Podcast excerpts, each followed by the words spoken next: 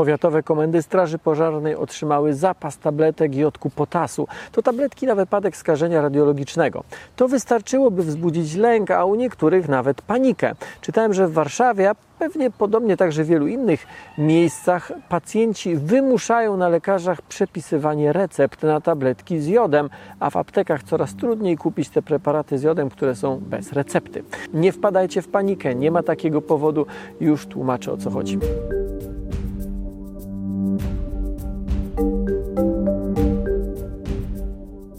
Pamiętam, gdy miała miejsce awaria i pożar elektrowni w Czarnobylu i pamiętam obrzydliwy smak płynu Lugola, jaki wtedy jako dziecko piłem.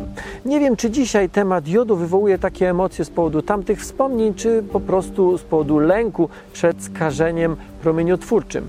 I pewnie emocje by były dzisiaj mniejsze, gdyby dystrybucji tabletek towarzyszyła jakaś kampania, jakieś wytłumaczenie, po co się to robi i jak te tabletki działają. Tabletki jodku potasu są rozdawane wtedy, gdy zwiększa się ryzyko zagrożenia radiacyjnego. Decyzję o tym, by zapas tabletek z magazynów centralnych przenieść do magazynów powiatowych podjęto kilka tygodni temu podczas walk o elektrownię jądrową na Zaporożu, największą elektrownię jądrową w Europie. Zrobiłem wtedy o tym osobne wideo, możecie link do niego znaleźć w opisie albo tutaj. Dzisiaj z kolei tabletki z jodem łączy się z groźbą użycia broni jądrowej przez Putina.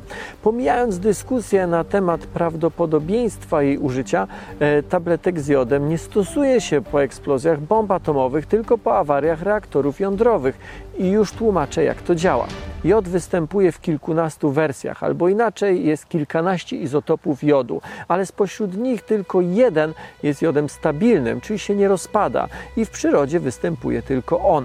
Do prawidłowego funkcjonowania potrzebuje go nasza tarczyca, która bez jodu nie jest w stanie wyprodukować dwóch bardzo ważnych w zasadzie dla funkcjonowania całego organizmu hormonów. Pierwszy to trójjodotyronina, a drugi to tyroksyna. Tarczyca na bieżąco pochłania czy pobiera z otoczenia i na bieżąco e, produkuje z niego, z tego jodu, te ważne właśnie hormony. Kłopoty zaczynają się wtedy, gdy w środowisku znajdzie się jod radioaktywny, a ten pojawia się jako produkt uboczny reakcji rozszczepienia jądra atomowego. Pojawia się zarówno podczas eksplozji jądrowej, jak i we wnętrzu reaktora jądrowego. Normalnie nie wydostaje się poza reaktor, ale jeżeli dojdzie do awarii, może razem z innymi radioaktywnymi izotopami się wydostać na zewnątrz, wydostać się do środowiska.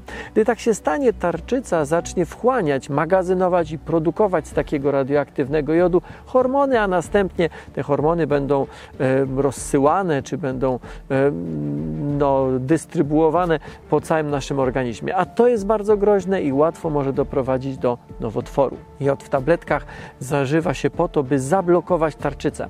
Gdy dostarczy się tego jodu odpowiednio dużo, tego stabilnego jodu, e, to do momentu, w którym tarczyca go nie przerobi, nie będzie pobierała jodu z zewnątrz, czyli nie będzie magazynowała jodu radioaktywnego.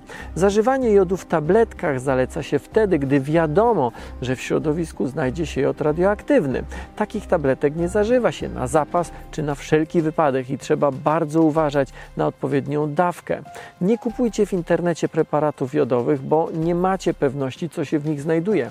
Nie aplikujcie sobie sobie czy waszym bliskim płynu Lugola, czyli wodnego roztworu czystego jodu w roztworze jodku potasu, ani jodyny, która jest roztworem jodu w alkoholu etylowym, bo to może mieć negatywne konsekwencje dla waszego zdrowia.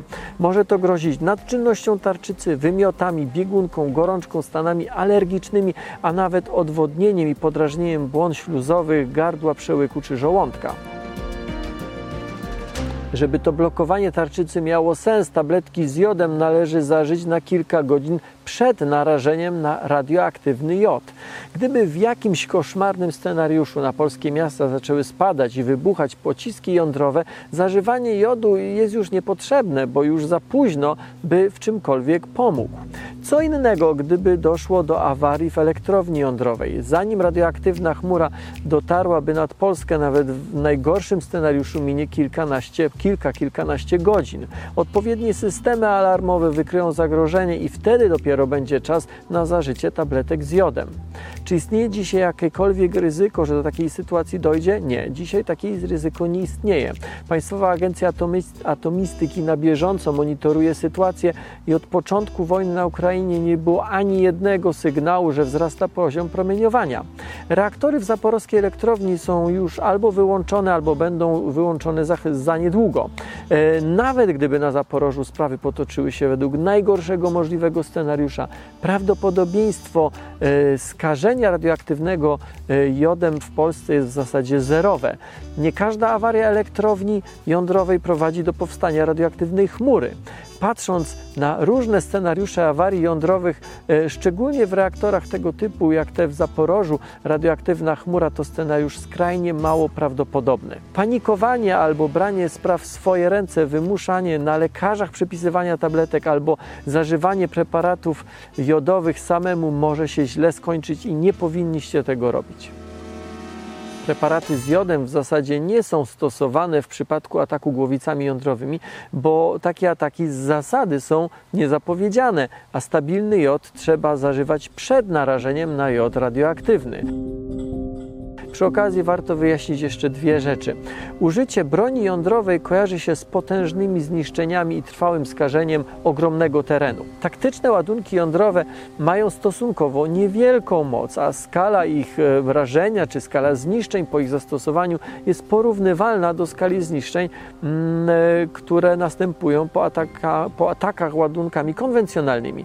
Nie znaczy to, że ładunki jądrowe nie są groźne, znaczy, że ich niszczycielska moc no, nie jest aż tak duża, jak mogłaby się powszechnie wydawać.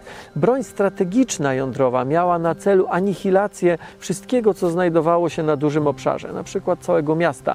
Broń taktyczna działa raczej jak skalpel i ma razić konkretne cele, a nie demolować całe obszary. Taktyczne ładunki jądrowe nie mają jednej określonej mocy. Są wśród nich głowice małe, które co najwyżej spowodowałyby zawalenie jednego budynku, jak i są też większe, które zniszczyłyby powiedzmy, nie wiem, koszary albo, albo jakąś instalację wojskową. Siłą broni jądrowej jest nie tyle moc, ile lęk, który bierze się z przekonania, że detonacja bomby zamienia miejsce, w którym do tej detonacji doszło, w radioaktywną pustynię niemalże na zawsze ale ten obraz jest nieprawdziwy. Owszem, krótko po eksplozji ma miejsce skażenie, ale to skażenie ogranicza się tylko i wyłącznie do miejsca eksplozji plus ewentualnie małego obszaru e, wokoło i ono dosyć szybko się zmniejsza. Największe skażenie, największe zagrożenie jest w pierwszej dobie po eksplozji, ale po pierwszym tygodniu skażenie zmniejsza się już tysiąckrotnie. Po kilku tygodniach skażenie w zasadzie nie zagraża już ani życiu, ani zdrowiu ludzi. Odbudowa miast Hiroshima i Nagasaki, jedynych miejsc, w których użyto broni jądrowej, ruszyło, ruszyła krótko po wojnie. Dzisiaj mieszka w nich w sumie półtora miliona ludzi, a promieniowanie na obszarze tych miast od kilku dekad nie różni się poziomem od promieniowania naturalnego. Nie twierdzę, że użycie ładunków jądrowych to nic takiego. Mówię tylko, że uważamy tę broń za groźniejszą niż ona jest w rzeczywistości. I także na tym polega jej siła. Nauka to lubię nie tylko na Facebooku YouTube. Zerkajcie na podcast Nauka to lubię i na stronę naukatolubie.pl. Dziękuję.